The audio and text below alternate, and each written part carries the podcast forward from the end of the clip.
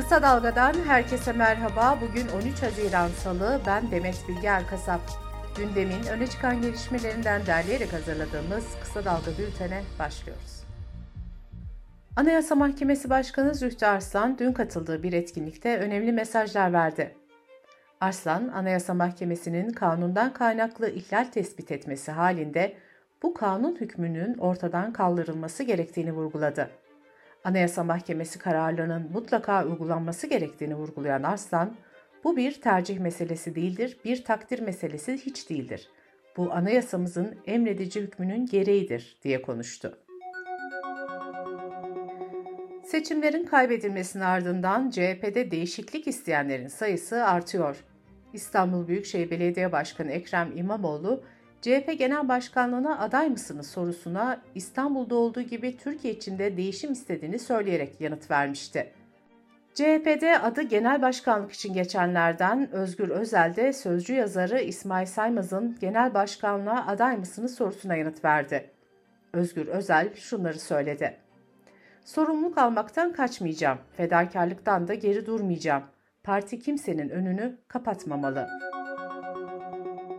Yeşil Sol Parti Erzurum Milletvekili ve Grup Başkan Vekili Meral Danış Beştaş, HDP'nin 3 büyük şehirde aday çıkarıp çıkarmayacağı ile ilgili tabii ki çıkarabilir, bu bizim en doğal hakkımız dedi. Hüdapar Genel Başkanı Zekeriya Yapıcıoğlu geçtiğimiz günlerde anayasanın ilk dört maddesiyle ilgili bu maddelere zinhar değiştirilemez demek gelecek nesillerin iradesine ipotek koymaktır demişti. Yapıcıoğlu'nun bu sözleri tartışılırken MHP'li Fethi Yıldız partisinin anayasa çalışmalarını hatırlatarak ilk dört maddeyi değiştirmeye yönelik girişimler yok dedi. Zafer Partisi Genel Başkanı Ümit Özdağ ise anayasa değişim sürecine işaret ederek ilk üç maddenin değiştirilmesinin hedefleneceğini savundu. Ankara Elmadağ'da bulunan MKE Barutsan roket ve patlayıcı fabrikasında 5 kişinin yaşamını yitirdiği patlama meclis gündemine taşındı. CHP Ankara Milletvekili Deniz Demir son 10 yılda 5 patlama yaşandığını belirterek patlamanın nedenleri en ince detayına kadar araştırılmalıdır dedi.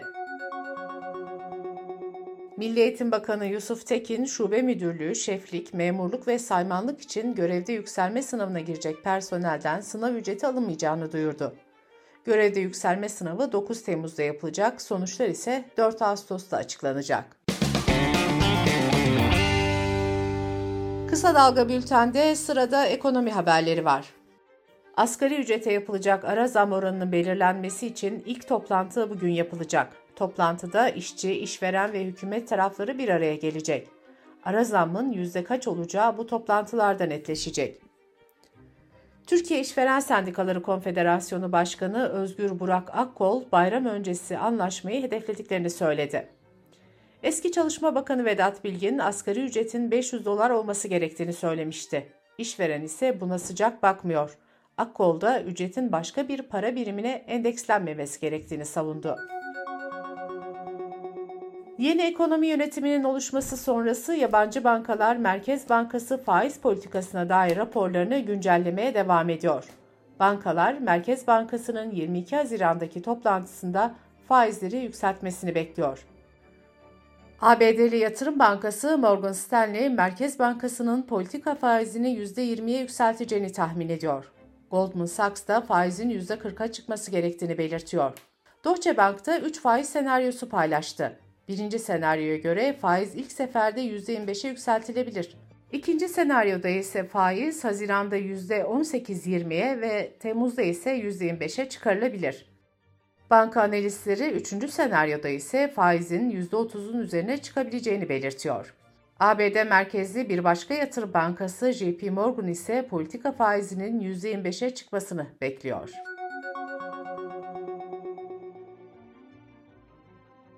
Türkiye İstatistik Kurumu Nisan ayına ilişkin işsizlik verilerini açıkladı. Buna göre 15 ve daha yukarı yaştaki kişilerde işsiz sayısı Nisan ayında bir önceki aya göre 74 bin kişi artarak 3 milyon 585 bin kişi oldu.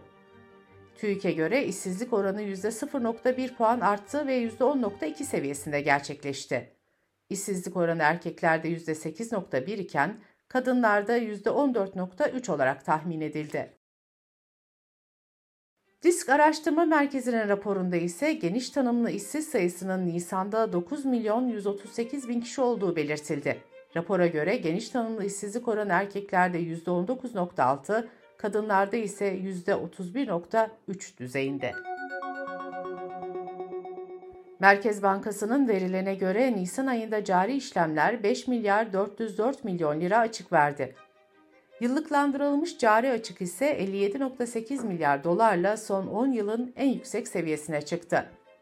Merkez Bankası'nın verilerine göre resmi rezervleri ise Nisan ayında net 8 milyar 163 milyon dolar azaldı. Türkiye İstatistik Kurumu'nun verilerine göre enflasyon ve kur kriziyle birlikte inşaat maliyet endeksi yükseldi. Endeks 2023 yılı Nisan ayında bir önceki aya göre %1.3, bir önceki yılın aynı ayına göre ise %52.99 oranında arttı. Ticaret Bakanlığı 6 ay 6 bin kilometre satış kısıtlamasına uymayan yetkili bayi ve galerilere toplam 35 milyon lira para cezası kesti. Bakanlık stokçuluk yapan galerileri de uyardı.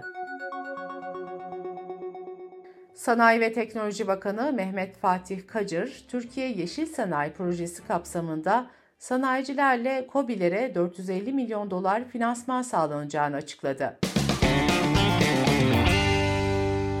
Dış politika ve dünyadan gelişmelerle bültenimize devam ediyoruz. Stockholm Barış Araştırmaları Enstitüsü'nün 2023 yılı raporunda dünyadaki nükleer silahlanma tehlikesine dikkat çekildi.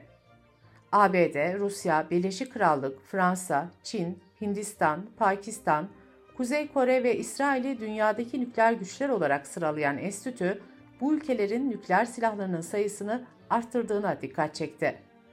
2023 ayı itibariyle dünyada tahmini olarak 12.512 nükleer başlık bulunduğu belirtildi.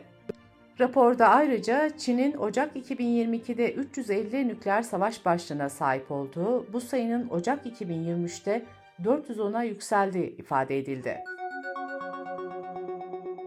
Ukrayna Silahlı Kuvvetleri yaklaşık bir haftadır devam eden karşı saldırıların ardından 3 köyü kurtardıklarını açıkladı. Bu köyler Ukrayna ordusunun karşı saldırının başlamasından bu yana kurtarıldığını doğruladığı ilk bölgeler oldu. Eski ABD Başkanı Donald Trump, Amerika'nın neredeyse tüm cephanesini Ukrayna'ya verdiğini ve ülkenin kendisini savunmak için yeterli cephanesi olmadığını belirtti. NATO tarihinin en büyük hava tatbikatı dün başladı. Tatbikatta Almanya Lojistik Merkez olacak. 25 ülkenin iştirak edeceği tatbikat kapsamında Almanya'daki 6 askeri havalimanında 250 dolayında uçak konuşlandırılacak. ABD tatbikata 100 uçakla katılacak. Orta Afrika ülkesi Kongo'nun doğusundaki mülteci kampına milis güçlerin düzenlediği saldırılarda 40'tan fazla kişi öldürüldü. Kongo'nun Ruanda, Uganda ve Burundi sınırlarının bulunduğu doğusu 20 yılı aşkın süredir altın ve kobalt gibi madenlerin kontrolünü sağlamaya çalışan silahlı grupların saldırıları ve çatışmalarına sahne oluyor. Şimdiye kadar binlerce sivil bu saldırılarda katledildi. Avrupa Birliği Türkiye ile imzalanan mülteci geri kabul anlaşmasının bir benzerini Tunus'a önerdi. Birlik bu bağlamda Tunus'a 9 milyon euro yardım ve yatırım taahhüdünde bulundu. Tunus yönetimi AB tarafından önerilen anlaşmayı gözden geçirerek kararını açıklayacak. Avrupa Birliği'ne göre Tunus, Avrupa'ya gitmek isteyenler için önemli bir geçiş ülkesi. Ocak ve Haziran ayları arasında yaklaşık 50 bin kişi Tunus'tan İtalya'ya geçti. Tunus Devlet Başkanı daha önce yaptığı açıklamada ülkesinin Avrupa'nın sınır muhafızı olmak istemediğini söylemişti. Amerikan Nüfus Sayım Dairesi tarafından yayınlanan son verilere göre 8.4 milyon kişinin yaşadığı New York'ta son 2 yılda yaklaşık yarım milyon kişi göç etti. Göç süreci koronavirüs döneminde başladı. Pandemi sırasında kentte çok sayıda iş yeri kapandı. Hayalet kente dönüşen New York'ta 80 bine yakın kişi yaşamını yitirdi. Salgın hastalıkla birlikte kentte suç oranları da arttı. Amerika'daki enflasyon oranı bir dönem %8,5'lara yükseldi ancak enflasyon New York'ta ülke ortalamasının üzerinde hissedildi. Son olarak geçtiğimiz hafta Kanada'daki orman yangınları New York kentini turuncu dumanlara boğdu. New Yorklular yeniden maske takmaya başladı.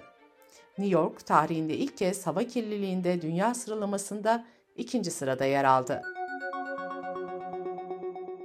Kolombiya'da 1 Mayıs'ta içindeki 7 kişiyle kaybolan ve 17 Mayıs'ta enkazı bulunan uçaktaki 4 çocuk sağ bulunmuştu. Kolombiya ordusu haberi mucize olarak duyurmuştu. Peki bu çocuklar yağmur ormanlarında nasıl hayatta kaldı? BBC'deki habere göre çocukların ait olduğu kabilenin üyeleri erken yaşlardan itibaren avlanmayı, balık tutmayı ve bir arada kalabilmeyi öğreniyor. Uzmanlara göre ormanda meyveler için hasat mevsimi olması da çocukların hayatta kalmasını kolaylaştıran bir diğer faktör oldu. İtalya'nın eski başbakanı Silvio Berlusconi 86 yaşında öldü. İtalya'da ilk kez 1994 yılında iktidara gelen Berlusconi, 2011'e kadar 4 kez başbakan olmuştu. Berlusconi'ye Nisan ayında kronik lösemi teşhisi konulmuştu. Bültenimizi kısa dalgadan bir öneriyle bitiriyoruz. Gazeteci İbrahim Ekinci'nin haftanın ekonomi gündemini değerlendirdiği Marjinal Fayda programını kısa dalga.net adresimizden ve podcast platformlarından dinleyebilirsiniz. Gözünüz kulağınız bizde olsun. Kısa Dalga Medya.